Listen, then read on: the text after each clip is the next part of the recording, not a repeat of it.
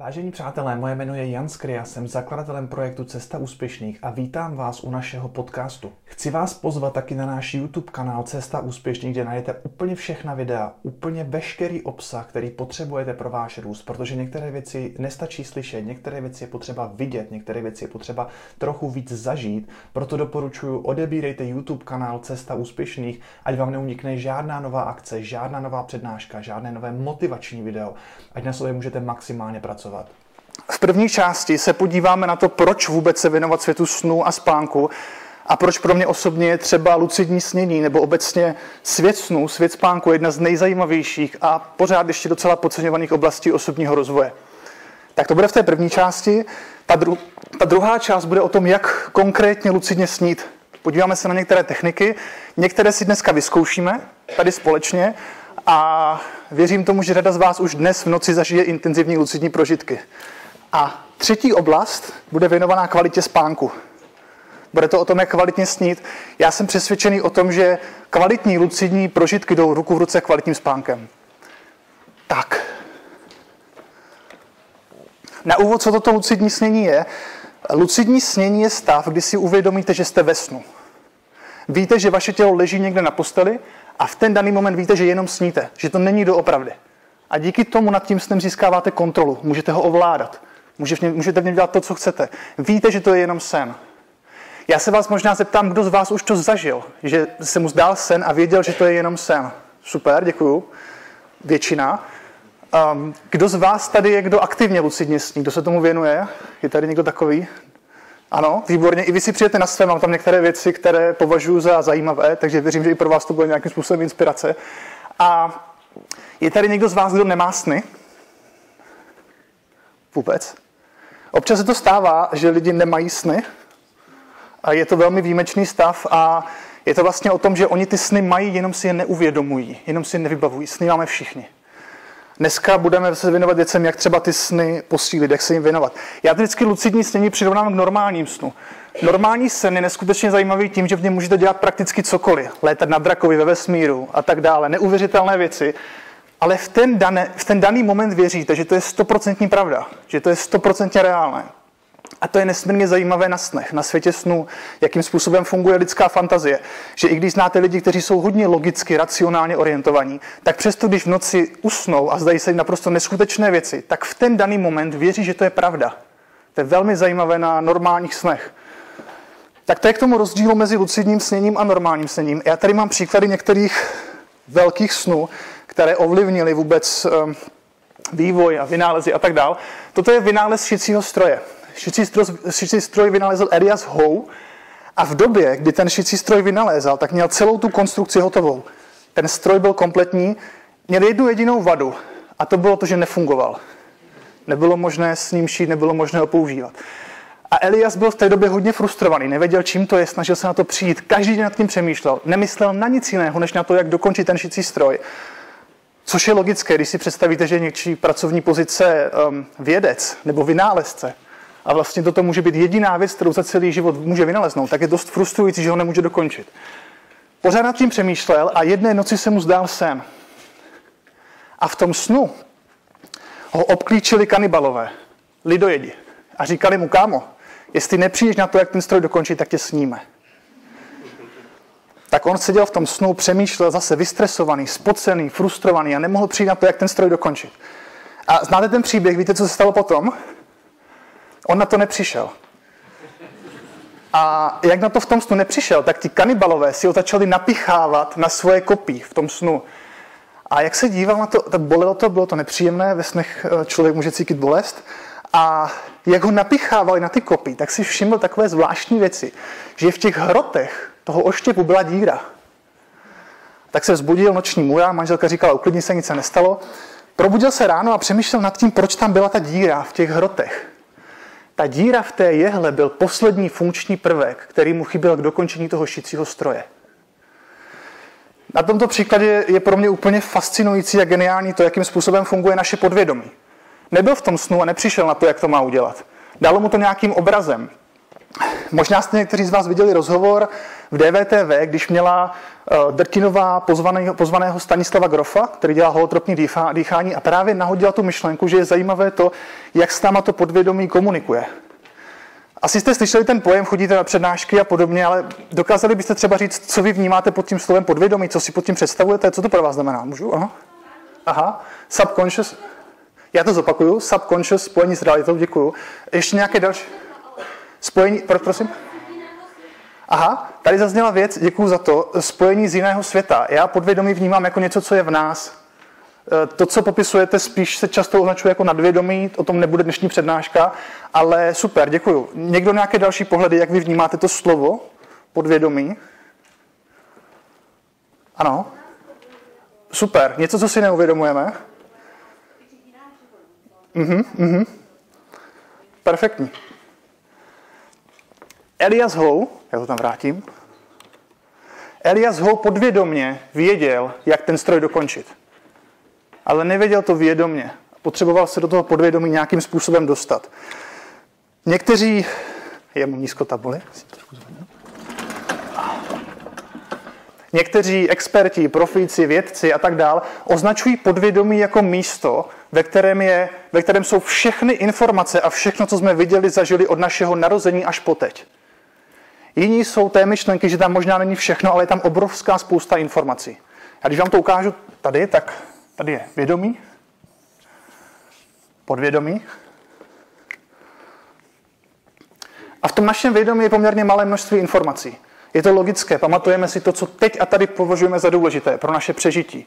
Někteří mají skvělou paměť, věci z dějepisu a tak dál, ale víceméně je, v podvědomí, je ve vědomí, v té vědomé mysli, nějaké omezené množství informací. A pokud náš mozek pochopí, že něco pro nás je opravdu důležité, že nějaké téma řešíme, tak si pro některé odpovědi sáhne do podvědomí. Vezme si je, aby je mohl použít v tom reálném životě. Jedna, dva, tři. Jsou nějaké tři základní způsoby. Já o tomto tématu chci mluvit, protože zrovna lucidní snění je výborný způsob, jak se do podvědomí dostat, jak se na podvědomí napojit. A chtěl bych vám ukázat tři nějaké základní způsoby, eh, jak se dá s podvědomím pracovat, jak vy můžete využít té obrovské množství informací, které někde máte, znalostí, dovedností a můžete se k ním dostat. Taková základní metoda je vůbec soustředění, fokus. Doporučuji vám to vyzkoušet. A klidně dnes po přednášce, můžete klidně i tady, vemte si čistou, čistý papír A4 a na tu čistou prázdnou A4 si nahoru napište nějaký, nějaké téma, nějakou výzvu. Něco, co řešíte a chcete to zvládnout. Ideálně formou otázky, pokud to jde. Nadepište si na ten prázdný papír to vaše téma, tu vaši výzvu, kterou řešíte a puste si příjemnou hudbu, nějakou, kterou vy máte rádi, které vy máte dobrý vztah. Dívejte se na ten papír v úplném klidu, přemýšlejte nad tím tématem a tím, co děláte, tímto cvičením, je, že začínáte říkat vaší hlavě, že to je to, co pro vás je důležité. Pokud to vyzkoušíte ještě dneska, tak vám garantuju, že v těch věcech, které už možná nějakou dobu v hlavě držíte, nějakou dobu je řešíte, se začnou objevovat nové věci, které jste do této doby třeba, na které jste do této doby třeba nepřišli. Když to cvičení budete dělat pravidelně, tak se odsud z podvědomí začnou dostávat věci do vašeho vědomí, které vám pomůžou tu výzvu vyřešit. Já tuto metodu používám delší dobu. Když vznikal projekt Cesta úspěšných, neexistoval, měl jsem jenom název, tak jsem nevěděl, jak začít. Neznal jsem WordPress, nevěděl jsem vůbec nic, nebyl jsem nějak jako extra IT zdatný a vlastně jsem nevěděl, jak bez peněz začít rozjet projekt, mít nějaké místo, kde by lidi mohli sledovat přednášky a tak dále. A každý den jsem přemýšlel nad tím, jak to udělat, abych vůbec mohl s tím projektem začít. Měl jsem ten papír, měl jsem tam napsané, jak začít s cestou úspěšných. Jak to udělat ideálně bez peněz, protože peníze v projektu tehdy nebyly. A tak jsem nad tím přemýšlel, a jak jsem nad tím přemýšlel dlouhou dobu, tak jsem si vzpomněl na jednu událost, kterou jsem vědomě nevěděl. Já jsem nevěděl, že ji vím. A vzpomněl jsem se, že když jsem byl na jednom setkání, tehdy ještě to byl Cashflow klub, a byl tam předseda, tak zatím, já jsem hrál deskovou hru Cashflow 101. Znáte tu hru? Znáte, víte, co to je? Finanční gramotnost hráli jsme tu hru, já jsem tam byl tehdy jako účastník, jako takový holub, moc jsem toho tehdy jako neuměl, neznal, nebyl jsem do ničeho extra tady zaangažovaný. A kousek ode mě probíhal rozhovor. A za tehdejším předsedou přišel člověk, který mu říkal, že pro něj má řešení e-shopu za 50, v hodnotě 50 tisíc korun a že mu ho dá zadarmo, to řešení. A ten předseda mu řekl, to my nepotřebujeme, to je k ničemu, já e-shopům rozumím a tak dál. A já vlastně jsem ten rozhovor v té době neslyšel vědomně, ale vzpomněl jsem si, že jsem něco takového zachytil, že něco takového v té místnosti někdy probíhalo, tady to bylo, a zavolal jsem tomu člověku, jestli, že nepotřebuji e-shop, ale potřeboval bych nějaký redakční systém, abych mohl začít dělat cestu úspěšných, abych někam mohl začít dávat ty přednášky, ta videa, ty věci. Řekl, že v pohodě, OK, spojil mě s jiným člověkem, potkali jsme se a tak vznikl průvodní web, první. Tehdy to bylo super, mohli jsme posílat kolik e-mailů jsme chtěli, všechno fungovalo. Takže to byl vůbec jako pro mě začátek. Od té doby mě to tak fascinovalo, že tady tu metodu používám velmi často a je pro mě klíčová. Doporučuji vám vyzkoušet, protože opravdu se můžou objevit věci, o kterých se třeba doteď ještě ani netušili. Tak, ta druhá věc, já to přečtu, je to prostředí. Je to takové trochu kliše osobního rozvoje, které jste určitě několikrát slyšeli, že jsme tvořeni průměrem našich pěti lidí a tak dál. To je věc, kterou často nemůžeme ovlivnit teď a tady. Já mám rád ty metody, které člověk může začít hned aplikovat, může začít ovlivňovat ve svém životě. Pokud někdo chodí do práce a je v kolektivu lidí, se kterými, řekněme, není spokojený, kteří ho nějakým způsobem ovlivňují negativně, nebo má ty lidi kolem sebe, tak to nemůže změnit hned. Je těžké tu změnu udělat. Je to pravda, jsme ovlivňovaní těma lidma, se kterými trávíme nejvíc času, ale je to něco, co je náročně ovlivnitelné. Co je za mě v tom prostředí naprosto zásadní, tak jsou informace, které konzumujeme. To, co každý den přijímáme, ty věci, které konzumujeme, ovlivňuje, ovlivňuje to, čemu říkáme našemu mozku, že pro nás je důležité. Pokud někdo každý den začíná tím, že začne s nějakým bulvárem, s bleskem a podobně a čte to, tak říká hlavo, toto je pro mě důležité. Dávej mi z podvědomí další informace. A pak můžete slyšet takové ty rozhovory kolegů, kolegyň v práci, které stojí a říká, viděla jsi teďka ten Leoš Mareš, nová holka, a ono mu říká, ty, teď jsem si vzpomněla, že vlastně nedávno Lucka Vondráčková byla s tím. To je to, že si sáhla do podvědomí. Ten mozek si myslí, že toto je to, co v životě potřebuje řešit. To je to, co pro ně je důležité. My v tom prostředí nemůžeme hned změnit to naše okolí přátel, kolegů, kamarádů. Někteří ano. Já jsem to nedokázal dřív, ale můžeme změnit ty informace, které přijímáme. Zase typ je cesta úspěšných. To je projekt, který kvůli tomu vznikl. Nesou to stovky hodin obsahu, kde si můžete pouštět do sluchátek, můžete číst články a můžete tím říct, co pro ten váš mozek je důležité, že to je ten růst. No a ta třetí věc, SS, ta třetí věc je svět snů. A to je to, o čem se budeme bavit dneska. Já jsem cítil za důležité tímto začít, protože celé to prostředí snů a lucidních snů je o podvědomí. Takže abychom si nějaké, nějaký jako základ udělali. Jenom jednoduché shrnutí, taková jako jednoduchá poučka podvědomí, je to něco, kde se skrývá obrovské množství informací, znalostí, vědomostí, které jsme za život získali a můžeme s nimi pracovat, pokud se tomu budeme věnovat. Tak. Tady mám ještě pár dalších příkladů. Paul McCartney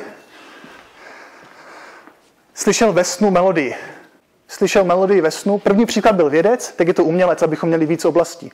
Slyšel melodii ve snu a když ráno vstal, tak si říkal, jestli není možné, že už to někde, že už to někde slyšel, že už to od někud znal. Tak objel hudební studia a ti mu řekli, že ne, že to je z Brusu nová melodie.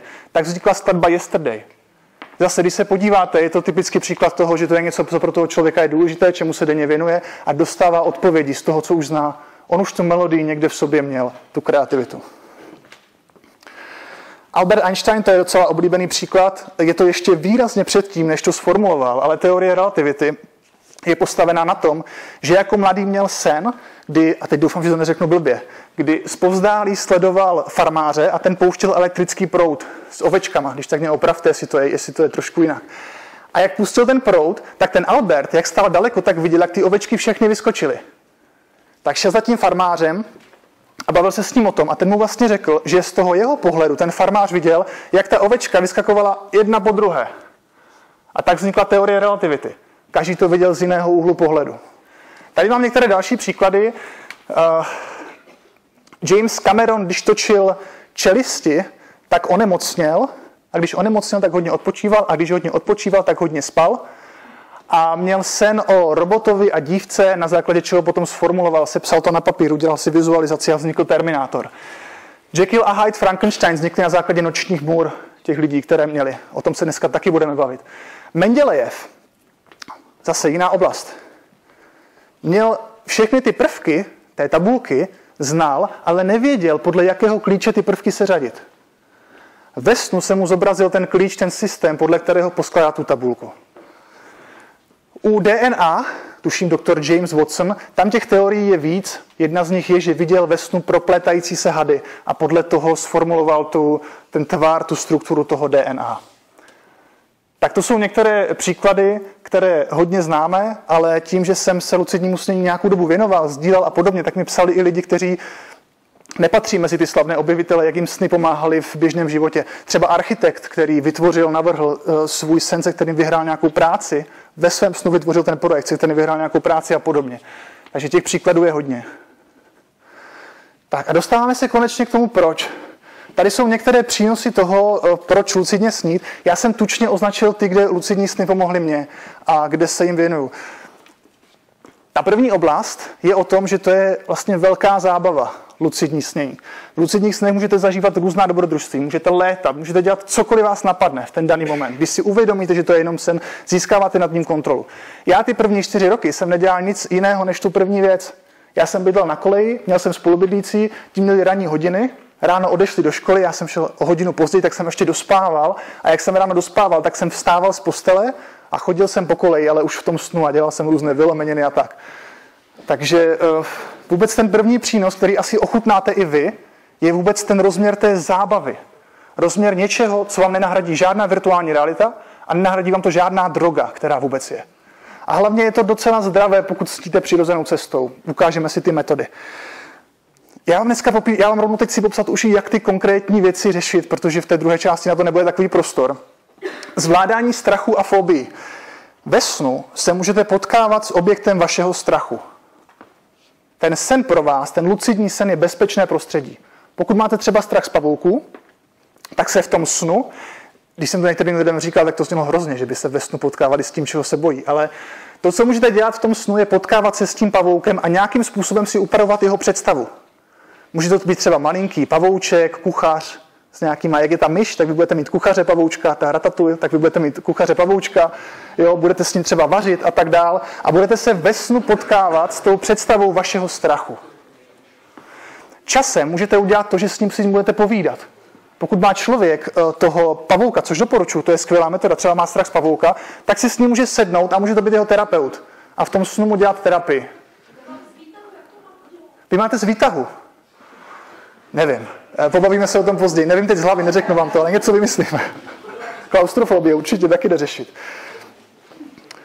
Um, strach z výšky. Ve snech můžete létat. Jak se ve snech naučit létat? Já ve snech nejčastěji létám, pokud řeším ten bod 2, že to je zábava. Teď zrovna, když vám řeknu nejbližší zážitek, tak um, to bylo dnes v noci, kdy jsem měl sen, kdy jsem byl na nějakém školním výletě a už to bylo takové zvláštní, protože tam byli spolužáci i ze základní, i ze střední, i z vysoké školy, všichni dohromady. Tak jsem si říkal, to je divné, že tady jsou prostě všichni spolužáci najednou. Uvědomil jsem, že to je, že, uvědomil jsem si, že to je sen a šel jsem se prolétávat přírodou. No. Tak.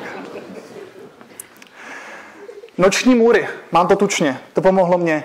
Já jsem měl velkou noční můru, kdy jsem byl, a to možná někteří z vás znáte, když jsem ležel v posteli, byl jsem na té posteli a měl jsem pocit, že někdo vchází do té místnosti, ve které jsem.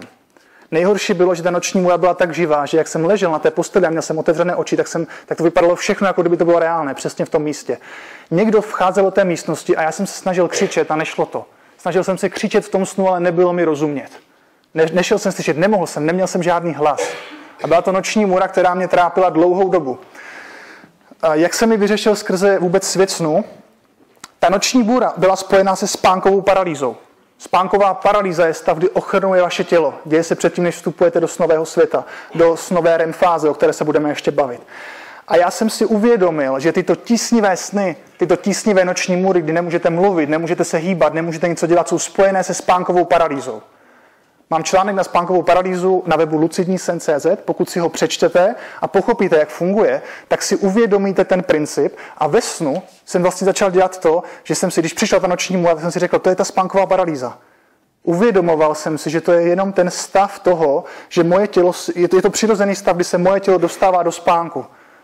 A díky tomu, že jsem si uvědomil, že to je spánková paralýza, tak jsem to použil jako přechod do lucidních snů. Využil jsem tu nevýhodu ve výhodu. Je to trochu složitější, ale je to podrobně rozepsané, je to zadarmo, najděte to na webu, tak se na to podívejte a přečtěte si to ty z vás, které to trápí. Ta další oblast je terapie. Za mě velmi zajímavá. Já říkám, že vaším nejlepším koučem je vaše vlastní podvědomí. Informace, znalost, moudrost, kterou od někoho slyšíte ve snu, je desetkrát silnější, než ji slyšíte od kohokoliv jiného, protože ji slyšíte sami od sebe. Vy jste si to řekli v tom snu. Uvedu zase příklad, pro mě takový trošku osobnější. Já se ve snech potkávám, nebo potkával jsem se s mojí tetou. Moje teta už nežije, umřela poměrně mladá a já jsem k ní měl vždycky velmi blízký vztah. Tak jsem toho využil, protože jsem, jako když máte k někomu blízko a typicky už nežije a je tam nějaká třeba emoční vazba, tak je velmi jednoduché se s ním, ten, se s ním v tom snu potkat, protože pro vás je to emočně silná věc a ta se v těch snech prostě projevuje. Tam ty emoce fungují. A já jsem se s ní potkal a byl to lucidní sen, vstal jsem z postele, zase ta moje oblíbená, oblíbená věc, sešel jsem dolů, tehdy jsme ještě bydleli v Poděbradech a vyšel jsem, vyšel jsem z těch dveří, všechno do té doby bylo stejné jako v reálu, pak už to bylo jiné. Byla tam prádelna. A já jsem šel do té prádelny a paní mi říkala, tady se usaďte, to za chvilku přijde. Jo, OK, tak jsem si sedl a čekal jsem na ní, objevila se ve dveřích, sedla a začala se mě ptát na to, jak se mám, co dělám, co partnerka, práce, jestli všechno v pohodě. A já jsem povídal. A já jsem mi na konci říkal, teto, já jsem sem ale přišel kvůli tobě. Já jsem si přišel poslechnout tebe. A ona mě říkala, když byla v tom snu, tak se na mě podívala a řekla mi, já vím, ale je dobré, když si s někým, kdo pro tebou chvilku jenom je a je tam stoprocentně přítomně s tebou. A já jsem si v ten moment uvědomil, přemýšlel jsem nad tím tři dny, byl to pro mě strašně silný zážitek, že dělám to, že občas moc mluvím a nepustím lidi k tomu, abych tam byl jenom pro ně. Že já někdy sám nejsem pro lidi, pro moje známé, kamarády, blízké, jenom pro ně. Že pořád přemýšlím nad tím, co bych řekl já, s čím bych se s nimi podělil, ale nemám tu schopnost toho, že bych trávil čas jenom s nima. To byl pro mě extrémní coaching. Kdybych to slyšel někde na přednášce, jakože jsem to tady na cestě úspěšně těch sedm let už několikrát slyšel, tak to vyprchá za dva, tři dny. Ale tady ty věci, které vám terapeuticky někdo řekne v tom snu, zůstávají velmi dlouhou dobu, silně uložené a musíte o nich přemýšlet. Můžou vás ovlivnit. Je to to, že je to zase, já jsem nemluvil s tou, tet, já vím, že tady možná jsou někteří na nějaké jako paralelní světy a podobně, do toho dnes úplně nechci jít. Já jsem nemluvil s tou tetou, já jsem mluvil s tím podvědomím, skrze s ní jsem komunikoval. A vytáhl jsem si to, co jsem potřeboval slyšet v kontextu, který jsem tehdy potřeboval. Další bod, ten souvisí s tím bodem, co jsem už zmínil. Ztráta blízkých. Ve snech se můžete potkávat s lidma, o které jste v životě přišli a můžete se lépe vyrovnávat s tou ztrátou. A poslední věc je kreativita. To jsem vám uvedl na těch příkladech předtím. Já to vysvětlím detailně, když budu popisovat ty snové fáze, ale jednoduše ve snech se propojují myšlenky, které se normálně propojit nemusí. A vznikají z toho nové revoluční nápady. Já jsem tam měl ještě jeden příklad. Já to vrátím zpátky. Larry Page, Google. Larry Page měl iracionální strach z toho, že se, nedostal na, že se dostal na školu chybou. Administrativní chybou, že na té škole nemá co dělat. A zdál se mu sen o tom, že by bylo možné způsobit to bezpečí, ten klid tím, že by se všechny informace z internetu stahovaly na jedno místo. Tak si říkal, to by bylo super, testoval to, zjistil, že to z hlediska kapacity není možné, ale přišel na to, že, by, je možné katalogizovat. Že je možné mít katalog, který vyhledává celém obsahu toho internetu. A tak vznikl Google. Je to velký prostor, sny jsou velký prostor pro kreativitu, pro propojení myšlenek. Kdybyste měli nějaké otázky, tak se klidně v průběhu ptejte, já je zopakuju a, a rád odpovím. To jsou některé z přínosů toho, jakým způsobem můžete sny, pro mě ty zásadní, ty hlavní, jaký můžete sny využívat. Já věřím, že terapie budoucnosti je v našich snech.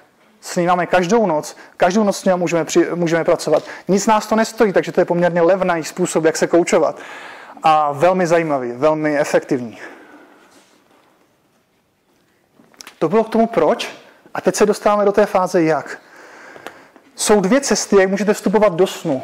Je to přirozená cesta a je to přímý vstup do snu. My začneme tou přirozenou cestou. Přirozená cesta znamená, že se vám zdá nějaký normální, běžný, klasický sen a v určitý moment si uvědomíte, že jste jenom ve snu. Děje se to během normálního snu. To, co jsem třeba dnes popisoval, jsem eh, na výletě školním, já rád během snu ochutnávám různá jídla, takže jsem zrovna šel ke stolu něco ochutnávat a uvědomil jsem si, že jsem jenom ve snu. A v ten moment se z toho normálního snu stává sen lucidní. Vy přebíráte kontrolu, ten sen je váš, je to vaše hrací pole a můžete se dělat v podstatě, co chcete. Jsou různé úrovně lucidity, to je možná ještě dobré říct. Ze začátku je možné, že to nebude hned tak, že se objevíte ve snu, jo, super, jsem ve snu a vlastně půjdu vám dělat všechno. Možná budou dělat některé věci. Typicky třeba létání. Pokud vám nepůjde hned létat, tak začněte se skákáním. Skákejte a snažte se vyskočit co nejvýš. Postupem času se dopracujete až k tomu létání ve snu, které vím, že je třeba pro hodně lidí takový jako přitažlivý záměr. Dvě nejčastější způsoby využití lucidních snů statisticky jsou létání a sex. Tak. Takže to je ta přirozená cesta do snu.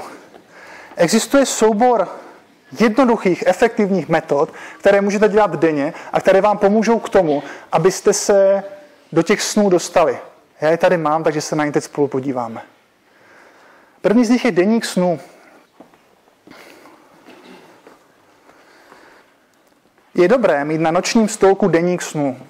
Může to být krásný, uh, zdobený deník a může to být úplně normální cár papíru. Je jedno, co vyhovuje víc vám, jakou k tomu máte emoci, záleží na vás. Je to deník, kam když ráno vstanete a probudíte se, tak budete pět minut trávit tím, že si budete vybavovat, co se vám tu noc zdálo a budete to zapisovat. Nebuďte na sebe přísní.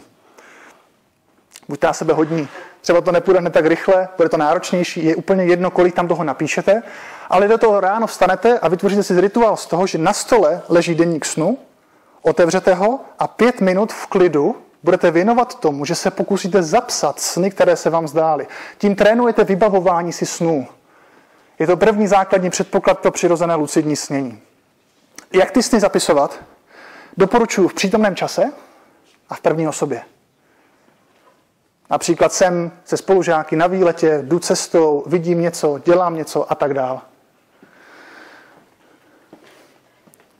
Zkuste teďka na chvilku jenom si vybavit nějaký sen, který se vám zdál. Zkuste si teď vzpomenout, jestli, jestli si budete schopni teď vzpomenout na jeden nějaký výrazný sen, který se vám zdál. Zkuste, dáme si 10 sekund, zkuste vzpomenout. Děkuju. Kdo má klidně, zvedněte ruku, pomožte mi. Kdo si jako vybavil? Super, děkuju. A teď vás poprosím, zkuste si ten sen zapsat. Už máte zapsaný. Perfektní. Ne, to je super, to je super, aspoň máme čas na tu přednášku. to je výborné. A mohl bych vás poprosit, jestli, by nás, jestli byste nám ten sen e, přečetla, že bychom si dali jenom zpětnou vazbu k tomu, jestli... Výborně. Děkuju vám. Super ukázka. Myslím si, že tak když to bude zapsané, tak je to úplně perfektní. Tak, tip pro vás. Do toho denníku si zapisujte takzvaná snová znamení. Snové znamení je něco, co se vám děje v tom snu a není to normální. Není to přirozené. Je to první trénink. Pokud si budete zapisovat snová znamení, budete si zapisovat to, co v tom snu nedává úplně smysl, tak trénujete to rozpoznávat, co v těch snech není přirozené a přecházet do snu lucidního. Co to znamená? Já třeba, můj častý sen je to, že pořád chodím do školy. Že třeba...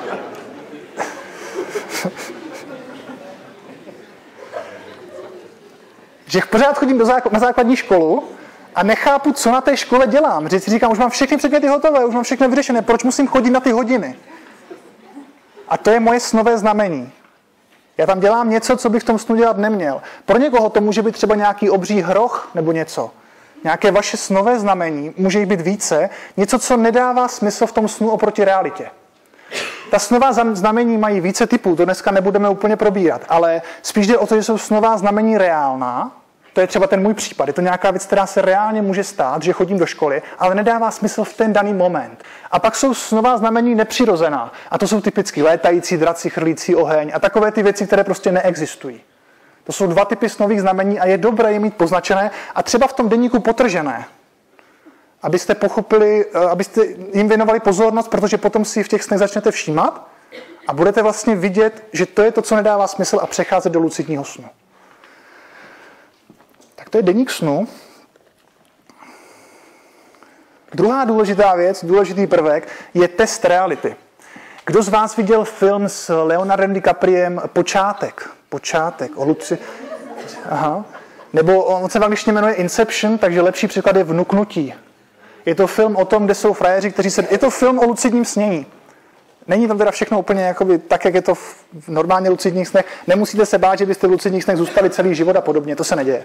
Ale, uh, ale je to velmi blízko. A ten DiCaprio, ten herec, co hraje toho, tu roli v tom filmu, tak má takový totem, takový předmět, který roztočí a pokud se nepřestane točit, tak pozná, že je ve snu. Pokud se točit přestane a spadne, tak to znamená, že je v té realitě. Tak vlastně tím, ten, ten film tím končí, že to roztočí a on se nedotočí. Je takový otevřený konec. Mimo, tady jsou lidi, kteří ho možná neviděli, tak já nebudu říkat ten... Ne, on totiž jeden člověk přišel na to, jak ten film skončí doopravdy. On má reálný konec. Takže to nebudu říkat teď nahlas pro ty, co ten film neviděli, kdyby to někoho vás zajímalo, tak přijďte do přednášce, vám to řeknu. Tak, je celá řada testů reality, které můžete dělat. Test reality je něco, co děláte v reálném světě, teď a tady. Opakujete to každý den několikrát a to chování přenášíte do snu. Tady na obrázku je typický můj, můj test reality. Je to nějaký fyzický rituál. A je to, já vám ho ukážu. Je to něco, kdy tl- zatlačím svůj ukazováček proti dlani. Tady ten test reality dělám několikrát denně a on se potom přenáší do toho světa snu. Když jsem ve snu a zatlačím proti té dlani, tak ten prst projde. A tak poznám, že jsem ve snu. Já mám ještě kontrolní test reality, kdyby tento náhodou nedopadl, protože občas ty sny jsou tak živé, že se mi ten test reality nepovede. A mám ten test, že hýbu s předměty. Když třeba tam vidím něco a silou vůle ten předmět jenom jako zvedám. To se mi daří velmi dobře. Takže to je, to je, takový, můj, to je takový můj kontrolní test reality. Další test reality je třeba to, že zatlačíte na nějakou plochu. Když to uděláte v reálném světě, tak se nestane nic. Když to uděláte v tom snu, tak vám typicky třeba projde ruka, nebo se něco stane. Něco, co jste nečekali. Nedoporučuji testy reality jako zadržování dechu a podobně. Moc to nefunguje. Ani v těch snech. Ale toto jsou zrovna takové jako efektivní dva testy. Buď to tlačit ukazováčkem proti dlani, nebo, nebo ten tlak proti nějakému předmětu. Ti z vás, co lucidně sníte, jste říkali, máte nějaké svoje testy reality? Podělili byste se? že tady byl někdo? Ano? Já třeba pozoruju hodiny. Mě se ve snu točí hodiny strašně rychle. Super, super. Najdete ve snu hodiny a pozorujete hodiny. Výborně, děkuji. Taky výborný test reality. Někteří lidi ve snu čtou. Říká se, že, říká se, že test reality je, že si zkusíte něco přečíst a že, to veš, a že to v tom snu nepřečtete. Ale já třeba ve snu čtu velmi ostře.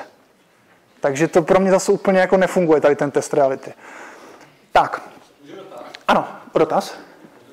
Může. Může, může se stát to, že ten test reality selže a že tam budou ty hodiny a budou fungovat normálně.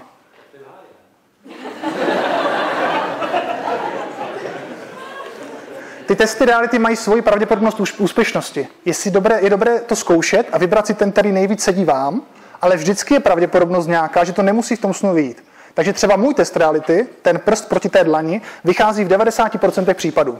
V 90% případů se mi potvrdí, že jsem ve snu. Když se mi to nepotvrdí, mám tam kontrolní test reality. Když nevíde ani ten, jo, my bydlíme v pátém patře uh, a já typicky dělám to, že vylétám z balkónu. Takže někdy těch testů reality dělám víc pro jistotu. Jo? Uh, někdy ty sny jsou tak živé, že jdu po schodech. Výjdu z dveří, potkám se s pár sousedama a sejdu z toho paneláku dolů. Protože si prostě nevěřím na to, abych letěl z toho balkónu ven. Navíc jako malý jsem byl náměsíčný. Takže o to víc si dávám bacha a s tím balkonem jsem opatrný. Musím fakt vědět, že jsem schopný letět. Pak do toho jdu. Tak a teď... Te... Super, štípnutí a buď to bolí, nebo to nebolí. Vychází vám to ve 100% případů, nebo někdy to bolí ve snu? Jo, jo, jo, jo. Děkuju, taky dobré, štípnutí. Tam bylo ještě nahoře? Lucidní snění? Ne. ne. Tady byl ještě dotaz někde? Ano, tady, pardon. Aha. Uh, uvědomíte si, že to je sen a probudíte se. To se stává velmi často. Je to velmi častý jev. Někdy to může být značení. Takové to, ju, teď jsem ve snu a už jste venku a už se vzluju. To není váš případ? Možná. Jo, jo, jo, jo. Eh, častý příklad je ten, že člověk je tak nadšený z toho snu, že z toho, z toho snu rovnou vykopne ven. V ten moment je dobré se uklidnit. Já tam mám další techniky a metody, které, když člověk aplikuje, tak dokáže koncentrovat svůj mysl, naučí se to v průběhu času a a je schopný v tom snu zůstat. Je to normální, děje se to a je to otázka tréninku nějakých technik. Ukážeme si je, takže se o tom budeme bavit. Je potřeba se v tom snu uklidnit. Takže když zažijete první lucidní sen, tady to je teda možná trošku jiný příklad, ale když zažijete první lucidní sen a uděláte takové to, wow, teď jsem ve snu, tak se najednou probudíte. Je potřeba v klidu, kámo, si ve snu, ale v pohodě, jedeme si svoje, tak jak jsme se připravili. Tak to, to co chcem dělat. Pomáhají na to další věci. Možná vám pomůže něco z toho, kdyby ne, tak se pobavíme o tom ještě po přednášce. Tak to je test reality. Doporučuji nastavit 10 ze začátku, ti z vás to, to, to, to fakt myslí vážně s tím sněním, nastavit si 10 budíčků, označit si je test reality a když vás, a když, vás, když vám zazvoní ten budík, tak ten test reality udělat. Ten test reality není o tom samotném fyzickém aktu. Začíná takzvaným spochybněním reality. A spochybnění reality je o tom, že se budete dívat kolem sebe. Najdete něco, co je zvláštní, něco, co nedává smysl, tyjo, tady ta, a řeknete si, tady je třeba špinavá, tady je třeba tuška, pero, jakoby na tom položené, což je docela nesmysl, to nemusí být. Tak si můžete říct, ty tady to pero na tom, proč leží tady, ty tady nejsou žádné papíry, dává to smysl? Je to možné? Jsem ve snu? A uděláte ten test reality. A toto cvičení budete dělat během dne, pokaždé, když zazvoní ten budík, chvilku se budete dívat kolem sebe, najdete nějakou zvláštní věc, řeknete si, je to možné, aby to bylo takto, je možné, aby tady byla ta šmouha na zemi, jsem ve snu, je to reálné a uděláte ten test reality. Tím, že to budete opakovat během dne desetkrát, tak se to chování přenáší do světa snu. A potom ho stejně tak uděláte v tom snu. Provedete ten test reality. Já mám nějakých 10 testů reality zmíněných v knížce o lucidním snění, takže když zadáte lucidní sen CZ, můžete dostudovat a najít si ten, který nejvíc vyhovuje vám. Během snu je dobré být klidný a koncentrovaný v ten daný okamžik. Meditaci já osobně považuji za jedno z nejzásadnějších cvičení v osobním rozvoji vůbec.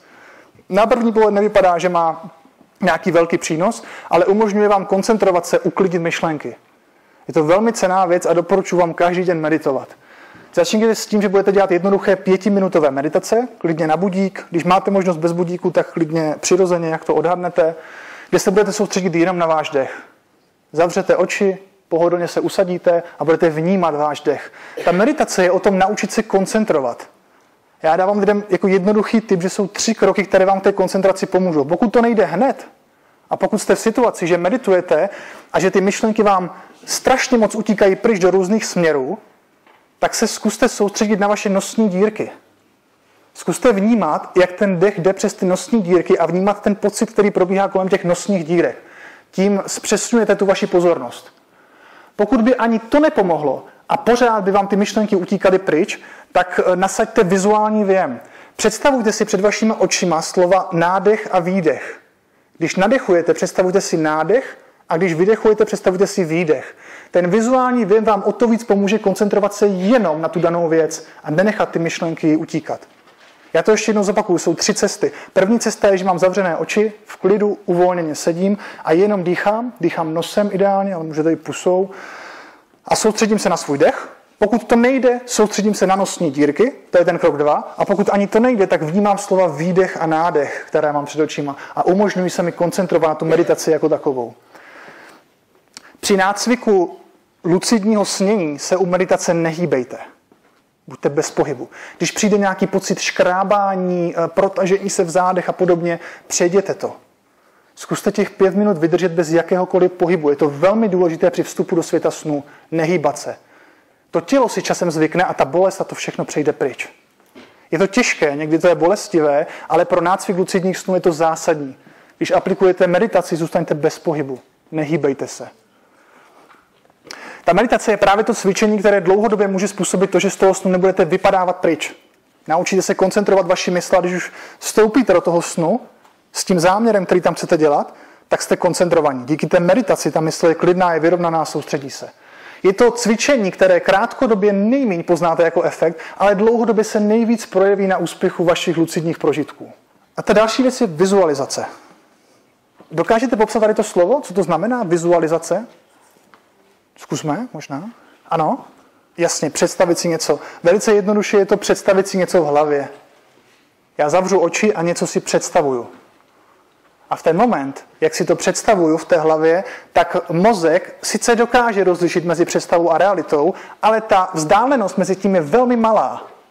Je velmi malá vzdálenost mezi tím, co si představujeme a co je reálné.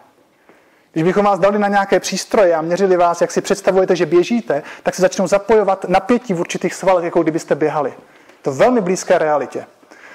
Jak využívat vizualizaci ve světě snů? Toto je velmi důležité, co vám teď řeknu. Když si do denníku snů napíšete sen, vraťte se k němu, představujte si ho ve vaší hlavě znovu, vizualizujte si ho, ale představujte si, jak se v něm stáváte lucidní. Toto je velmi efektivní nástroj, jak začít mít lucidní prožívání. Když máte poznačený normální běžný sen, Přeštějte si ho, představte si ho a představujte si, jak v tom snu se stáváte lucidní. Představujte si, že třeba v půlce toho snu najednou si řeknete, to je ale zvláštní, že se mi děje zrovna tady toto. V té vaší představě udělejte test reality. Když si to představujete v hlavě, tím trénujete tu hlavu na to, co má dělat v tom světě snů. Udělejte test reality a pokračujte v tom snu podle vašeho snového záměru. Ke snovému záměru se dostaneme za chvilku. Vizualizace je cený nástroj v tom, že ty sny jsou taky nějaká vizuální představa. A tím pádem, pokud vizualizujete ty vaše proběhlé sny, představujete si a představujete si, jak se v nich stáváte lucidní, jak děláte ten test reality, jak spochybňujete tu realitu, děláte ten test reality a podobně, tak se dostáváte do té lucidity mnohem rychleji. Tak to vám, použije, to vám pomůže vizualizace ve světě snu. Tak a poslední věc z toho přirozeného snění, přirozené cesty snu, jsou sugestce. Před usnutím si říkejte afirmace, které vám pomůžou stávat se lucidníma. Možná už některé z vás napadne, zkuste, co by to třeba mohlo být, co byste si mohli říkat před usnutím, abyste měli lucidní sny. Výborně. První technika dobrá je to říct si, um, své sny si dokonale pamatuji. Dokonale si pamatuji průběh svých snů. Tím dáváte najevo, že si ty sny chcete, chcete pamatovat, před spaním si to programujete a ráno si je skvěle eh, zapamatujete a jednoduše napíšete. Časem. Zkuste nějakou sugesti nebo afirmaci, která podpoří vůbec to lucidní snění samotné. Co to může být? Jsem ve snu. Uvědomuji si, že jsem ve snu. Typicky. Nebo vím, že jsem ve snu. Zase je to přítomný čas v první osobě. Vím, že jsem ve snu a sen plně ovládám.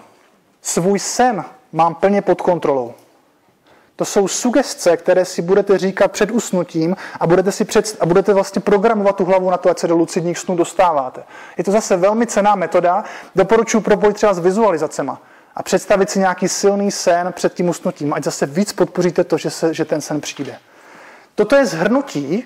Já vám pošlu všechny ty slajdy ale tento doporučuji eh, pro ty z vás, co to myslíte vážně a budete chtít lucidně snít, tak doporučuji si ho vytisknout a dát si ho někam na oči, ať vaše hlava vidí, že to pro vás je důležité. Tady je zhrnutí těch základních technik pro dostání si, pro proniknutí do přirozené, pro při, dobře, teď už to dám, na potřetí už to dám, pro přirozené proniknutí do světa snů.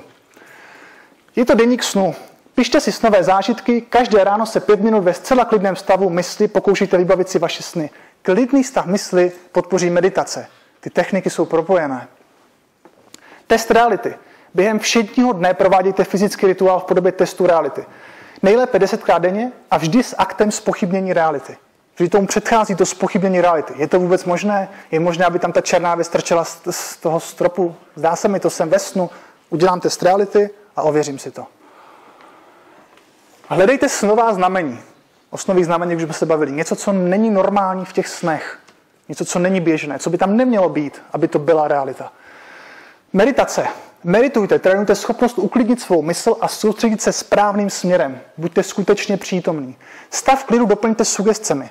Když už budete cítit, že v těch meditacích jste silní, že už se dokážete fakt těch pět minut fokusovat jenom na váš dech, jenom na vaše, jenom na tu jednu věc, jenom vlastně vaši mysl ovládat, tak si tam přidejte sugestce do těch meditací. To, co děláte před tím spaním. Takže typicky uvědomuji si, že jsem ve snu, vím, že s ním svůj sen plně ovládám a tak dále. Já doporučuji meditovat před spaním. Hodně lidí medituje ráno, já doporučuji meditovat před spaním, protože sklidníte svůj mysl a bude se vám lépe spát. Mně se to velmi osvědčilo. Vyzkoušejte. A poslední věc, která tam je, tak je vizualizace. Představuju si už proběhlé sny a stávám se v nich lucidní. A poslední věc, o které jsme se ještě moc nebavili, je snový záměr. Stanovení snového záměru vám pomůže realizovat ta proč. Stanovte si to, co v tom snu chcete dělat a napište si to. Zase platí jednoduché pravidlo. V přítomném čase, v první osobě. Napište si, co v tom lucidním snu chcete dělat. Pokud se budeme bavit o tom třeba prvním účelu, o té zábavě, o tom dobrodružství, tak můžete mít něco jako ve svém snu se stávám lucidní, procházím se na louce, vzlétávám a letím a sleduju krajinu. Můžete mít takový snový záměr. Ano, otázka? Jo, otázka, zdál se super sen, který si člověk nezapíše a jestli si ho můžete vyvolat znovu. Ano, formou snového záměru. Znovu si ten sen prožít. Určitě jo. Když to bude to zvládání strachu, tak to může být typicky setkávám se s pavoukem eh, ve svém snu. Je to velmi příjemný pocit. Je tam jako malý a vím, že to mám plně pod kontrolou. Můžete mít tady ten snový záměr stanovený. Noční můry, to moc nejde. Terapie, potkat se s někým, potkávám se s můj tetou, s mým bratrem, s mým kamarádem a povídám si s ním o mém životě. Sedáme si v klidu a povídáme si o těch věcech. Probíráme spolu důležité věci. Probíráme věci, které jsou pro mě důležité právě teď. Ztráta blízký, zase potkávám se s přítomný čas s někým a něco s ním řeším, a něco se ho ptám a podobně.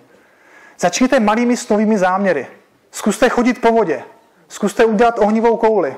Zkuste nějaký, nechat levitovat nějaký předmět. Vyberte si malé věci a postupně se dostávajte k těm složitějším. O tom je snový záměr. Snový záměr je ten bod, kdy to hraní, tu hru, to zkoušení těch lucidních snů dostáváte na, ú, na úroveň nějakých reálných přínosů. Tak. Tady končí ta část přirozeného snění.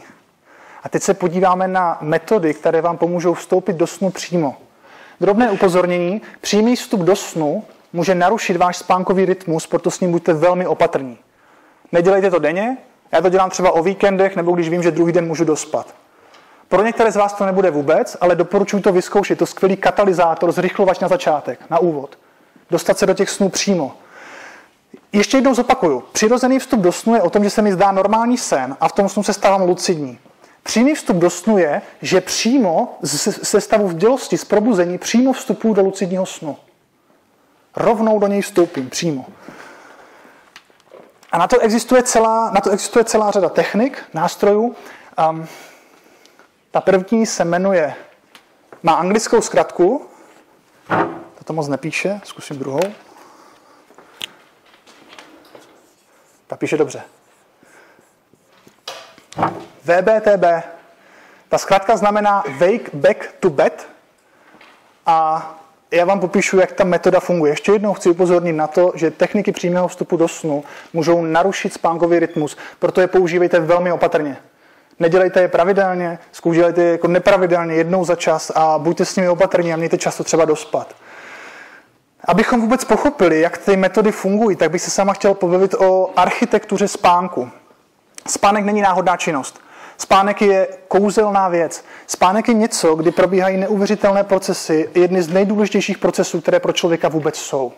Spánek není o tom, že usnu, naberu energii a ráno vstanu. To je jeden z mála přínosů spánku. Během spánku velice jednoduše se střídají různé stavy. Je to stav bdělosti, bdělost. Je to takzvaná REM fáze spánku a takzvaná non-REM fáze spánku.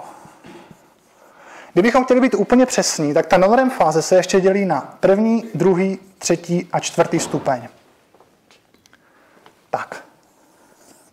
A teď to funguje tak, nakreslím velký graf, že se během toho spánku střídají 90-minutové zhruba cykly. Když jdeme spát 23 hodin a máme těch našich typických 7 hodin, já to ještě nechám volné, aby mi to vyšlo, tak se vystřídá pět cyklů jeden, dva, tři, čtyři. Nevyšlo mi to, nevadí, tady to zkrátím. Jeden, dva, tři, čtyři, pět. Tak, dělost je jasná. Je to takový ten stav, kdy jsme pořád vzhůru, ale už jsme poměrně uvolnění v tomto případě. Už jsme uvolněni, ale pořád jsme bdělí, aktivní, pořád třeba dokážeme počítat matematické příklady a podobně, dělat takové ty srandy jako v běžném životě. REM fáze vychází z anglické zkratky Rapid Eye Movement a je spojená s rychlými pohyby očí. Během REM fáze se vám, vám kmitají oči, hýbou se oči. REM fáze je takzvaná snová fáze. Během REM fáze se nám zdají sny. Co je na REM fázi zajímavé, takže to je paradoxní spánek. Je to okamžik, kdy sice vypadáme, že spíme, ale náš mozek je velmi aktivní. Je velmi podobně aktivní jako ve stavu bdělosti. Má k tomu velmi blízko. Téměř totožně aktivní. Ale naše tělo, a to je typické jenom pro REM fázi, je stoprocentně ochrnuté, ochablé, paralizované. Veškeré příčně pruhované svaly, to je třeba bicáček a podobně, tak jsou úplně, úplně ochrnuté, jsou paralizované. Kdybych vás takto chytil a nezbudil bych vás a zvedl bych z vás postavit, tak byste takto vyseli dolů. Jediné hladké svaly jsou aktivní, to jsou ty svaly, které jsou zodpovědné za dýchání. Ale jinak veškeré vaše tělo, ten, ten, ten svalový tonus, to svalové napětí je prakticky nulové během této fáze. Proč to tak je?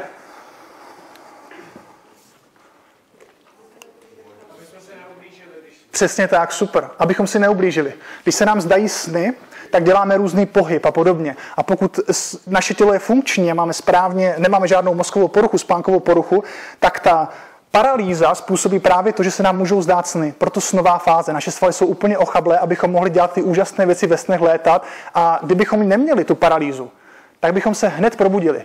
Při prvním pohybu by se probudilo tělo a byli bychom vzhůru. Proto nás, ta, proto nás ten mozek paralyzuje. Přemýšlím, do jaké hloubky jít, ale to vám ještě řeknu, myslím si, že to je důležité. REM fáze je taky fáze integrace. Dochází k tomu, že nové věci, které se naučíte, se začlenují mezi minulé zkušenosti. Když se naučím nějakou novou věc, tak během REM fáze dochází k tomu, že se zařadí mezi ty, před, že mezi ty minulé zkušenosti, minulé znalosti, dovednosti. Dostáváme ji do kontextu těch věcí. To je zásadní, když se učíme nějakou novou věc. Typicky takoví ti lidi, kteří mají nějakou jako geniální, takové to jedna myšlenka se spojí s jinou myšlenkou a vznikne nějaký geniální nápad. To se děje v REM fázi. REM fáze nám umožňuje začlenovat ty věci do, té, do toho kontextu, do té souvislosti. Je to poměrně povrchní druh spánku. Tak a tady je non-REM fáze. 1, 2, 3, 4. Je to hlubší druh spánku.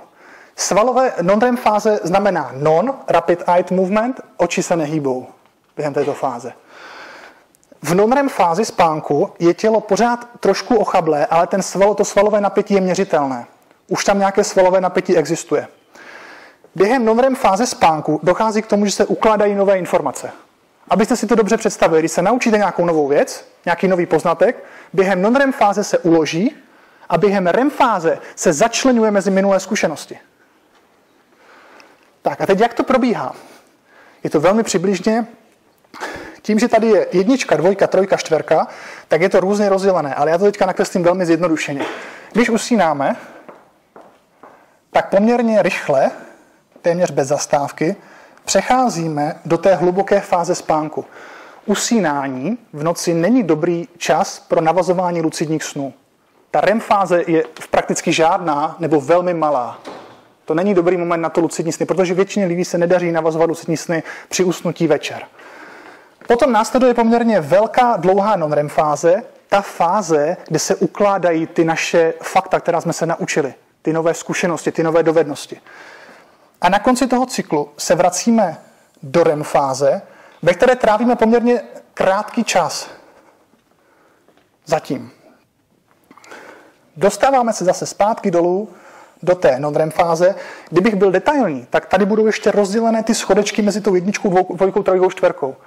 Teď si nepamatuju, jestli jsem to řekl, nebo ne, ale ta jednička, dvojka, trojka a čtverka se rozliší podle toho, jak náročné je nás probudit.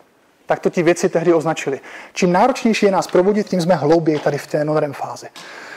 Jakmile se dostaneme sem, tak následuje o něco kratší, o něco kratší non-REM fáze a o něco delší REM fáze. A tak to pokračuje dál. Tady bude zase dolů, o něco kratší non-REM fáze o něco delší REM fáze. Zase dolů, o něco kratší non-REM fáze, o něco delší REM fáze a tak dále, než se probudíme. Jo, a tady už potom typicky může být třeba probuzení. Může se vám stávat, já se třeba v noci budím, že v některých těch fázích to vystřelí takto nahoru do bdělosti. To se stává. A teď ta myšlenka. Když spíme, tak eh, tu non-REM fázi si představte jako cihly, když stavíte dům.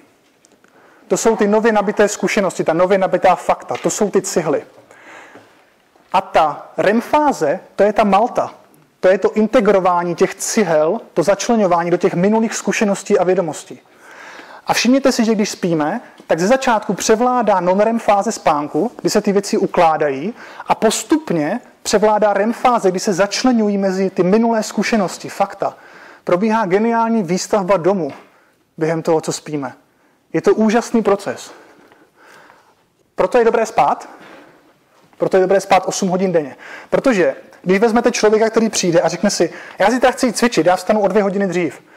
Když stanete o dvě hodiny dřív, tak se připravíte o 60 až 90% REM fáze spánku. Stejně tak, když budete spát o dvě hodiny později, tak se připravíte o 60 až 90% non-REM fáze spánku. Proto je dobré těch 8 hodin spát. Je to geniální výstavba vašeho mozku, která probíhá. Proč to kreslím tady? Jak vidíte, tak ze začátku ty REM fáze jsou poměrně krátké a pak se prodlužují. Takže na ten vstup do těch, tato nepíše, už zkouším po druhé a po druhé nepíše, tak. Na ten vstup do světa snu je ideální ta druhá polovina spánku. Protože převládá ta snová REM fáze. Tak.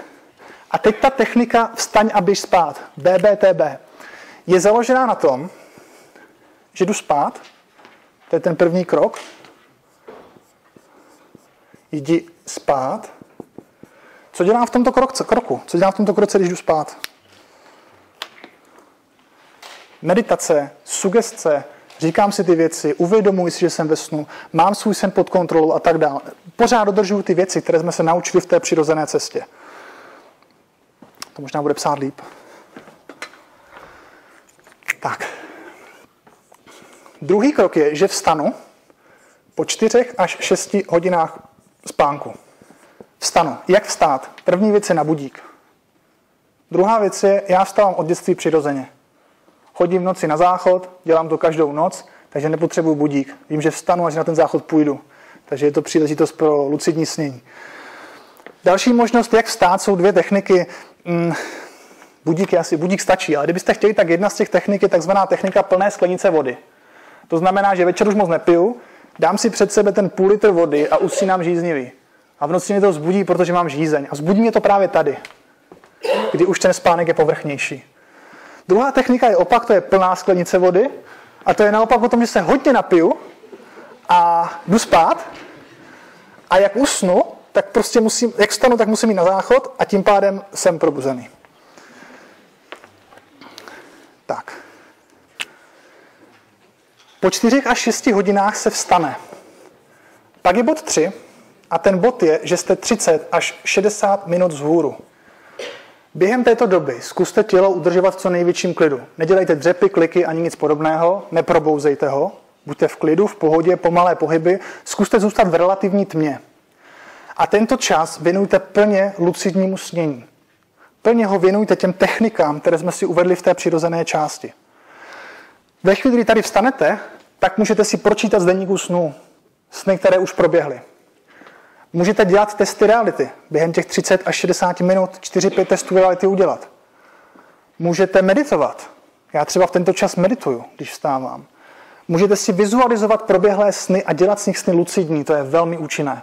Těch 30 až 60 minut vaše myšlenky strávíte jenom lucidním sněním, ničím jiným. Doporučuji si vytvořit třeba takový jako to-do list, kam si napíšete, co konkrétně během těch 40 minut chcete dělat. Když v noci vstanete, tak to tělo je takové neprobuzené, takové jako chce jít co nejdřív zase rychleji spát a moc jako neví, tak mám jít meditovat nebo mám jít dělat nějaké jako testy reality. Když si napíšete ty věci, tak eh, to uděláte s větší pravděpodobností. Jde o to těch 30 až 60 minut věnovat čas jenom tomu lucidnímu snění, jenom těm myšlenkám lucidního snění, které máte. Tak a ten krok čtyři je běž spát. V tento moment dramaticky roste pravděpodobnost, že budete mít lucidní sny. Je to katalyzátor. Je to takový ten králíček Duracel. Obrovský výstřel nahoru, obrovská pravděpodobnost toho, že zažijete lucidní sny. Ještě jednou chci upozornit na to, že jsem to říkal už dvakrát, hrozí narušení spánkového e, rytmu, proto buďte velmi opatrní v těchto technikách. Nedělejte je každý den, dělejte je jednou za čas, když víte, že jste v pohodě, že to dospíte a ideálně je dělejte na začátku. Vaším cílem by mělo být se co nejrychleji dostat k intenzivním lucidním prožitkům. Zažít ten první okamžik toho lucidního snu. Čím delší dobu budete dělat techniky, metody a nepůjde to, tím budete demotivovanější. Proto vám tyto techniky můžou pomoct k tomu, abyste prožili ten první zážitek a tu motivaci si vytvořili. To je technika Wake Back to Bed. Ta druhá technika se jmenuje Wild. Já ji tady napíšu. Technika Wild. Teď se dívám, kam jsem si položil to, tu fixu, co jsem měl předtím. Tady je, děkuju. děkuju. Technika Wild. Wild je anglická zkratka, která znamená Wake Induced Lucid Dreaming. To není tak důležité. A je to zase technika pro přímý vstup do snu. Ten bod jedna začíná úplně stejně. Jdi spát. Dělám tu meditaci předspánkovou, vizualizaci, dělám testy reality, programuju se v noc, před spaním proto, abych měl lucidní sny, lucidní prožitky. Ten druhý krok je zase o tom, že v noci vstanu a jsem nějakou dobu vzhůru. Ty metody nejsou moc originální, jsou velmi podobné. Takže zase jsem nějakou dobu 30 až 60 minut. U mě ta optimální doba je zhruba 40 minut. U každého z vás to bude trošku jiné. Když jste vzhůru příliš krátkou dobu, tak pak rychle usnete, protože nekopnete, nenakopnete dostatečně tu vědomou mysl. Pokud jste naopak příliš dlouho vzhůru, tak se může stát, že se vám bude blbě usínat. Proto je důležité, proto tam je ten interval a je důležité, abyste si pokusem našli tu ideální dobu pro vás, která je. U každého člověka je to trošku jiné. Tak a teď naschází krok tři a ten se dělí. Jsou dva způsoby tady. Jakým způsobem do toho snu vstoupit. Ten první je hypnagogie.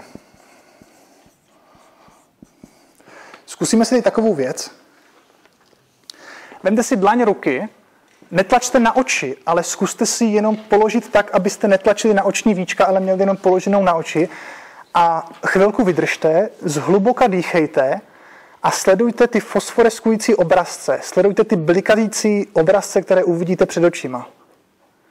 Sledujte obrazce. U někoho to bude výraznější, u někoho to bude chvíli trvat, ale může to být taková světlá barva, u někoho hnědá, u někoho zelená a jsou to obrazce, které se vám budou před očima vytvářet.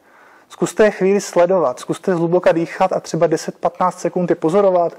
Můžou být stabilní, můžou přejíždět, dělat různé věci. Tak, můžete otevřít oči. Kdo viděl ty obrazce? Vy jste viděla trávu. No tak tak to je úplně super. To je úplně super.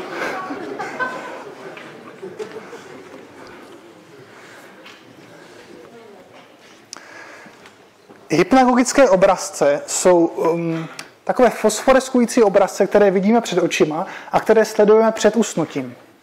Když po těch 30 až 60 minutách jdete spát, tak pozorujete ty obrazce před vašima očima. Zhluboka dýcháte a zase, tady skvěle pomáhá meditace. Pokud pravidelně meditujete, tak jste schopni se soustředit i před tím usnutím, potom v noci. Ta meditace vám pomůže všude. Sledujete ty hypnagogické obrazce před očima a jenom je pozorujete uvolněně. Vaše tělo se uvolňuje, dýcháte, ležíte na té posteli a sledujete je. Po určité chvíli se z těch abstraktních obrazců začnou stávat konkrétnější. Ty obrazce začnou spojovat a začnou se dostávat do nějakých obrazů. Vy přecházíte do snové fáze REM, tady, a ty obrazce se konkretizují. A můžou nastat dva případy. První případ je, že se přímo z těch obrazců vytvoří ta snová scéna, kterou máte v rámci snového záměru. Takže přímo z těch obrazců, které vidíte, vznikne ten základ toho snu. Druhá možnost, která může nastat, tak je, že ten sen vznikne za těmi obrazci. A vy jenom, že neuvidíte přímo ty obrazce, ale za těmi obrazci vznikne ta snová scéna a vy se jenom přesunete přirozeně k ní. To jsou dva způsoby, jak skrze hypnagogii se dostanete. Chce to trénink, chce to vytrvalost, ale ve chvíli, kdy opravdu pravidelně meditujete, jste schopni se soustředit, tak skrze tu hypnagogii, skrze skonkretizování těch obrazců fosforeskujících se dostávat do toho světa snu. Je potřeba mít snový záměr, ty věci jsou propojené, aby hlava věděla, kam se vůbec chcete dostat. To je jedna cesta. Vyzkoušejte. Je to ta jednodušší. Upřímně, já jsem se takto dostal asi dvakrát. Každému se jde něco jiného, toto není cesta, která vyhovuje mně. Já využívám tu druhou cestu, kterou vám teď ukážu, a ta je pro mě daleko lepší a daleko spolehlivější. Ale může to být opačně, každý to má trošku jinak. Ta druhá cesta se jmenuje, um, jmenuje se out of body, mimo tělo. Já ji radši říkám out of bed, mimo postel, protože vstávám z postele, vstává celé moje tělo.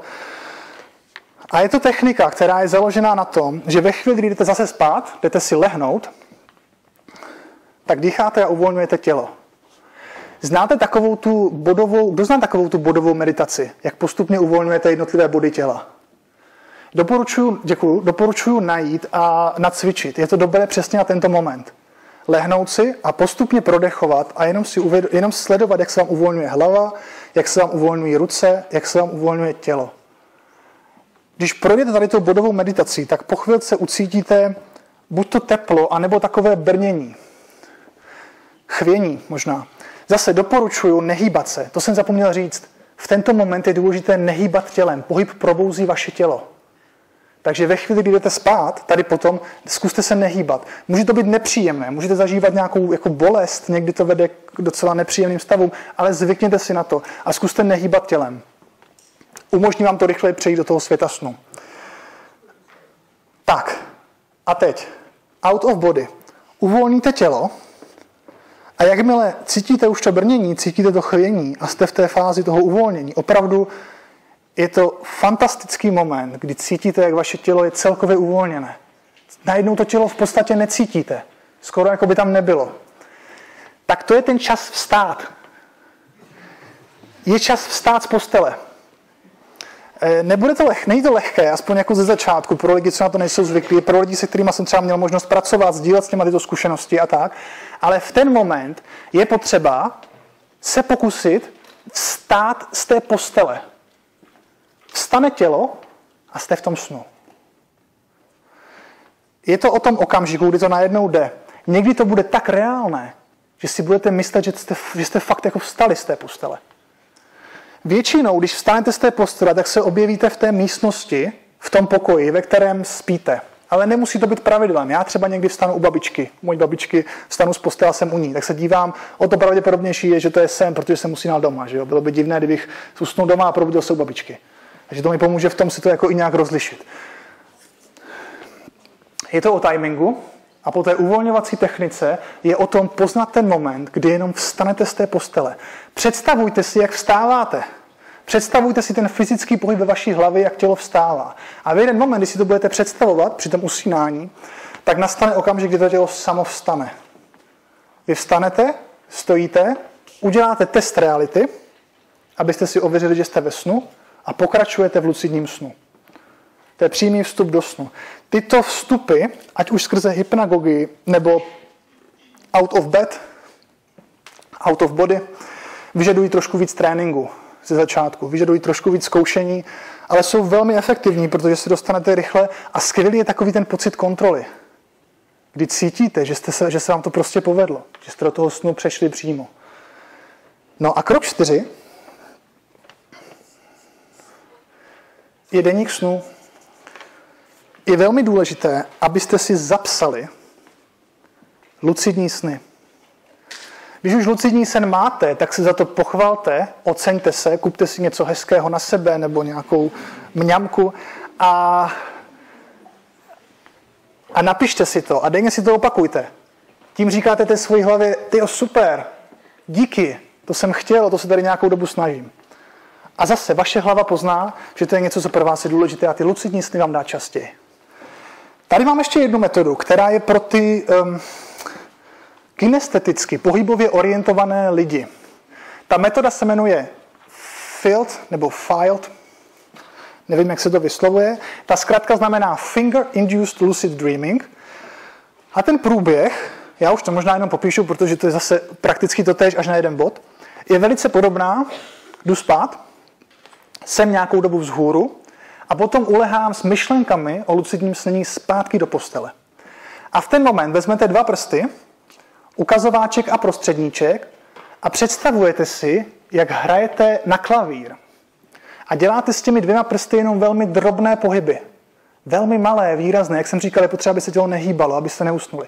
Ale usínáte, to tělo se uvolňuje a děláte drobné pohyby a představujete si, jak hrajete na klavír. A v jeden moment se ty pohyby přenesou do světa toho snu. A vy budete lucidně snít. Já třeba zase tuto techniku moc nepoužívám. Moje dnes 100% technika je ten out of bed, který mě konkrétně se osvědčil nejvíc, ale, ale je to pro lidi, kteří jsou víc pohybově orientovaní. Je to alternativa pro ty z vás, kterým ta první možnost nepůjde. Vyzkoušejte, hrajte si. Hýbete velice pomalu, je to opravdu velmi drobný až mikropohyb, u kterého si představujete, že hrajete na klavír. A v jednu chvíli jste v tom snu a v tom snu děláte pohyb. Možná budete hrát na klavír, možná budete dělat nějakou jinou činnost těma dvěma prstama, ale budete dělat nějakou aktivitu a už to bude v tom světě snu. U této techniky vás si upozorní na jednu věc. Ten přechod je tak intenzivní, že velmi pravděpodobně nepoznáte, že jste ve snu. Budete si myslet, že to je reálné. Proto je potřeba udělat test reality a udělat ho za každou cenu, i kdybyste ho měli udělat v posteli. Opravdu tady se snažte v jeden moment, kdy už budete mít jenom trošku jako podezření, že byste mohli být ve snu, budete překvapeni, jak rychle vás to dostane do snu. Hlavně ze začátku doporučuji ten test reality fakt dělat hned a klidně riskovat to, že se třeba probudíte a uděláte ho jako v té posteli. Když to schrnu, jsou to tři základní metody, velice jednoduché, které vám pomůží stav, vstoupit do toho snu přímo. Wake back to bed, metoda Wild a metoda Filed. Buď to přirozená cesta, anebo cesta do toho světa snů skrze přímé vstupy. Moje doporučení, ze začátku vyzkoušejte ten přímý vstup do snu, abyste se dostali k tomu prvnímu zážitku. A pokud se vám to osvědčí a bude se vám to líbit a budete chtít v lucidním snění pokračovat, což doporučuju, což doporučuju, tak eh, se víc orientujte na ty dlouhodobé věci v té, v té první části, ten přirozený vstup, které vedou k tomu, že v tom snu, že se budou ty normální sny měnit na ty lucidní. Poslední část mám věnovanou kvalitnímu spánku. Toto možná jenom přečtu. Tady jsou některé přínosy toho, když člověk kvalitně spí. Když spíme méně než 7, 6 až 7 hodin, oslabujeme náš imunitní systém. Spánek vyrovnává hladinu cukru, inzulínu, hladinu cukru a inzulínu v krvi. Lidi, kteří kvalitně spí, mají mnohem menší náklonost k cukrovce než lidi, kteří nespí. Samozřejmě je to o tom, co jíte, takže není, není možné jíst jakoby každý den 3 kg sladkostí a říct si, když to 9 hodin dospím, tak budu v pohodě. Tak to nefunguje, ale je to cesta, jak to podpořit. Toto je za mě docela, docela zajímavá věc. Spánek podporuje zdravou chuť k jídlu. Pokud kvalitně spíte, máte větší tendence mít chuť na to správné jídlo a správně jíst. Zároveň posiluje mikrobiom v tlustém střevě. Při, nedostatku spánku lidé více jí rychleji se vám, eh, rychleji se vám kumuluje hm, tuk, když, eh, když špatně spíte. Pokud někdo drží dietu a u toho blbě spí, tak ta dieta je zbytečná. Tělo se cítí v ohrožení, protože má málo spánku a kumuluje tuk. Spánek je důležitý pro zdravé tělesné proporce. Tak a poslední zdraví. Při nedostatku spánku se zvyšuje pravděpodobnost Alzheimera. Ztrácí se některé mozkové a tělesné funkce. Pokud nedostatečně spíme, je to dokázané, tak se trvale ztrácí některé mozkové a tělesné funkce. Dochází k jejich trvalé ztrátě. Proto je dobré spát kvalitně. Tendence k depresi zvyšuje se riziko, zhruba po roce člověk umírá, pokud nespí. Připravil jsem si několik eh, zajímavostí, které je dobré v kontextu spánku znát. Hormon melatonin se nazývá taky upíří hormon nebo hormon tmy a je to hormon, který vylučuje epifýza, pro ty z vás teď trošku teorie, v zadní části mozku vylučuje ho s příchodem tmy. Já ho tady mám kvůli tomu, že melatonin je signál k tomu jít spát. Je velký mýtus, a toto je důležité, je velký mýtus o tom, že melatonin podporuje kvalitní spánek. To je nesmysl. Melatonin podporuje kvalitní usnutí. Melatonin vysílá signál a jeho hladina ovlivňuje to, jak kvalitně usnete, ale ne jak kvalitně spíte. Na kvalitu spánku nemá vliv. Jediný vliv, jaký má melatonin na kvalitu spánku, tak je placebo efekt. Žádný jiný. Takže pokud si někdo kupuje melatoninové tabletky na to, aby kvalitně spal, asi je to super placebo, ale z hlediska toho, jak funguje ten hormon, to nemá smysl. Další důležitá věc je hormon adenosin. Adenosin po probuzení roste jeho hladina. Čím vyšší hladinu adenosinu máme, tím vyšší máme put ke spánku, tím více nám chce spát. Až to úplně neodolatelné touhy spát. Já to tady uvádím ještě teda jednou. Při vstanutí roste ten adenosin a když jdeme spát, tak v noci se zase restartuje, klesá. Tím spánkem se zase jako uvolní, takže minimální put ke spaní a pak zase roste. Proč to tady mám? Kofein. Káva je druhá nejprodávanější komodita, to je moje oblíbené téma, káva je druhé druhá nejprodávanější komodita na světě po ropě. Kofein se váže na stejná místa v těle jako adenosin. Na stejná místa. A teď to zásadní. Když konzumujeme kofein, tak najednou máme pocit, že nejsme ospalí, že nejsme unavení. Ale pozor, kofein nedělá, já to možná nakreslím, já už tady nemám moc místa, já vám to ukážu. Tady toto dám pryč. Ráno vstanu, roste hladina adenosinu, roste touha spát. Až do nějakého momentu, kdy ta touha spát je velmi vysoká. Na stejné místa v těle se váže i kofein. Proč, když si dám kofein, tak přestanu mít tu touhu spát? Co se děje s tím adenosinem? Neděje se vůbec nic. Kofein jenom maskuje ten adenosin. Proto ve chvíli, kdy si dám nějaký kofein, tak ten kávu nebo něco, tak ten kofein je taková maska, kde si myslíme, že najednou, že tam ten adenosin není. On tam je a pořád roste. Pořád roste ta touha spát. Proto možná znáte pojem kofeinový dojezd. Když přestane ta káva působit, tak jsem dvakrát tak skopil, jaký jsem byl před tou kávou. To je proto, že roste ten adenosin, já tady ten jeho růst nevnímám, tady přestane působit káva a najednou vnímám a on narostl. Ale já jsem ten růst nevnímal. Má to několik samozřejmě problémů nebo jako důvodů, kdy pít, kdy nepít kávu, kdy pít, kdy nepít kofein um, a jak. Do nějaké 11. 12. hodiny byste neměli pít kávu vůbec. Neměli, pokud kvalitně spíte, neměli byste mít, já vím, že to zní někomu jako fantazy, pro mě taky dlouhou dobu to fantazy bylo, ale do 11. 12. hodiny odpolední byste neměli mít potřebu spánku. Je to znamení toho, že s tím spánkem není něco v pořádku. No a potom, důležitá věc, když se podíváme na tu druhou část dne, poločas rozpadu kávy je nějakých 6 až 7 hodin. Víte, co znamená poločas rozpadu? Poločas rozpadu je důležitý pojem, který znamená, že látka je zhruba z poloviny rozpadlá v tom těle. Z poloviny tam ještě je a z poloviny je rozpadlá. Velmi jednoduše. Pokud si dáte kávu po druhé hodině odpolední, má vliv na váš spánek. Ovlivňuje negativně váš spánek, protože se nestihne ten kofein rozbourat tak, aby na, tu, na ten spánek vliv neměl. Proto pokud pijete kávu, tak ideální čas na kávu je někde mezi 11. hodinou a jednou.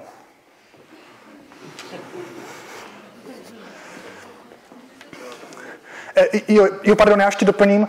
Kofein je příčina číslo jedna poruch spánku a nekvalitního spánku na světě.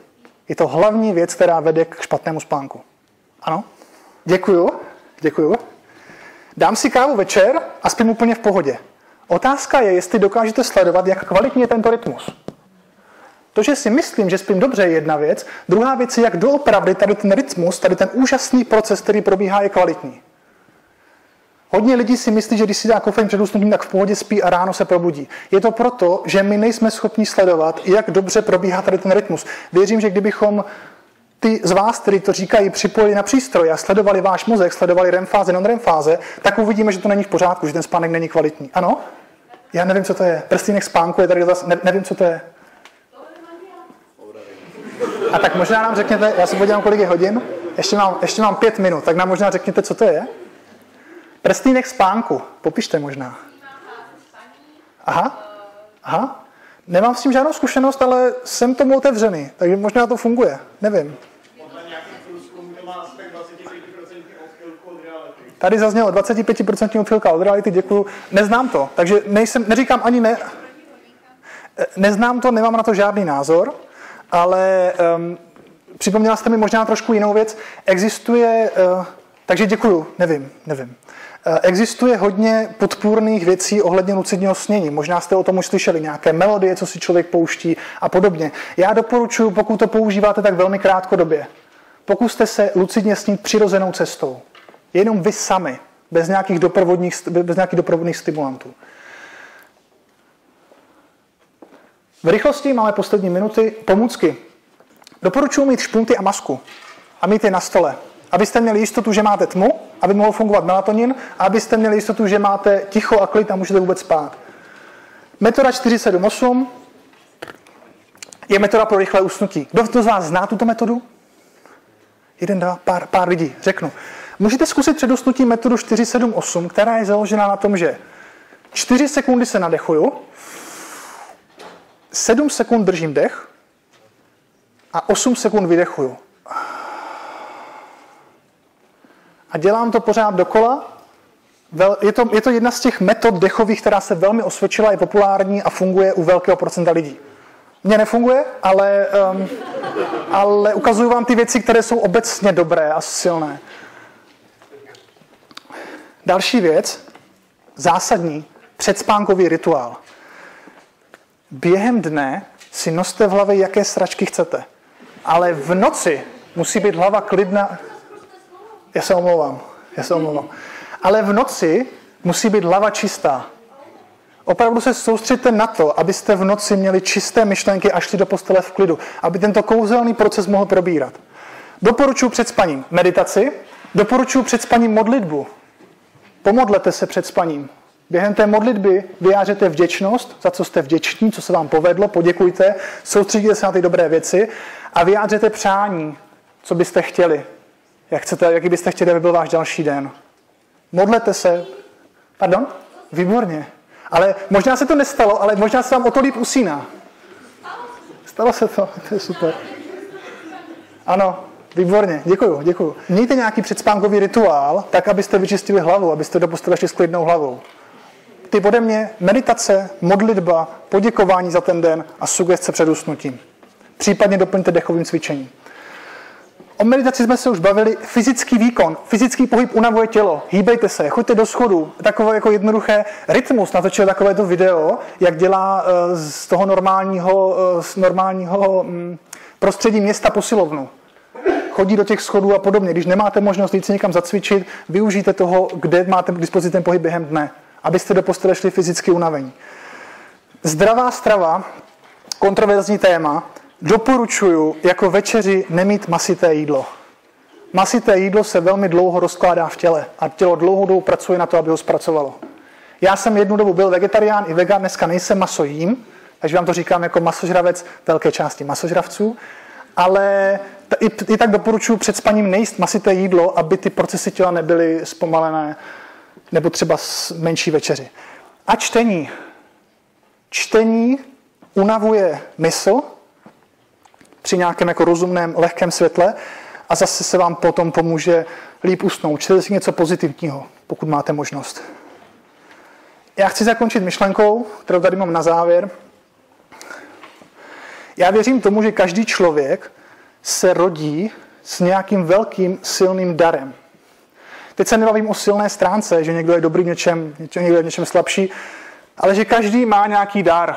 Evolučně nám ho příroda dala kvůli tomu, že většině lidem se nepovede najít. Tak aspoň té menčky, co se to povede, tak nějak tu společnost posunou. A teď jsou obecně tři, lidi, typ, tři typy lidí. Jsou lidi, kteří ten dar v životě objeví přirozenou cestou.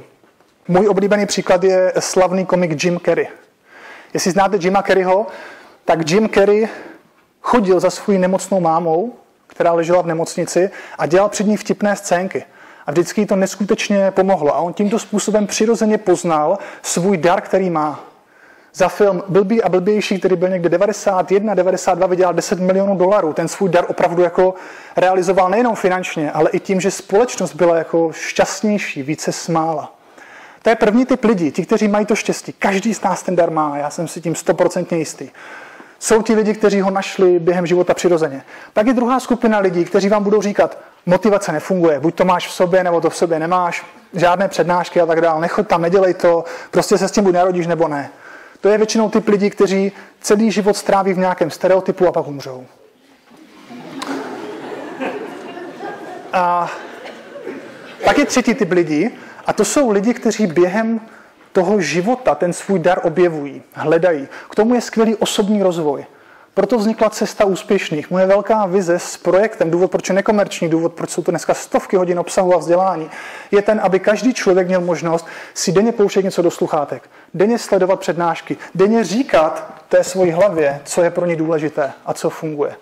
Moje vize je, že lidi budou objevovat v životě ty svoje dary. Proto to není konec úspěšných nebo jsme úspěšní. Proto je to cesta. Ta cesta toho úspěšného je cesta za hledáním toho daru.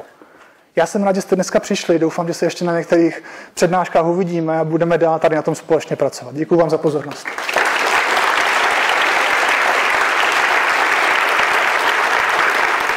Toto byla podcastová verze naší přednášky. Pokud se vám líbila, najděte si na našem YouTube kanálu Cesta úspěšných a napište pod ní nějaký pěkný komentář nebo ji sdílejte s vašimi přáteli.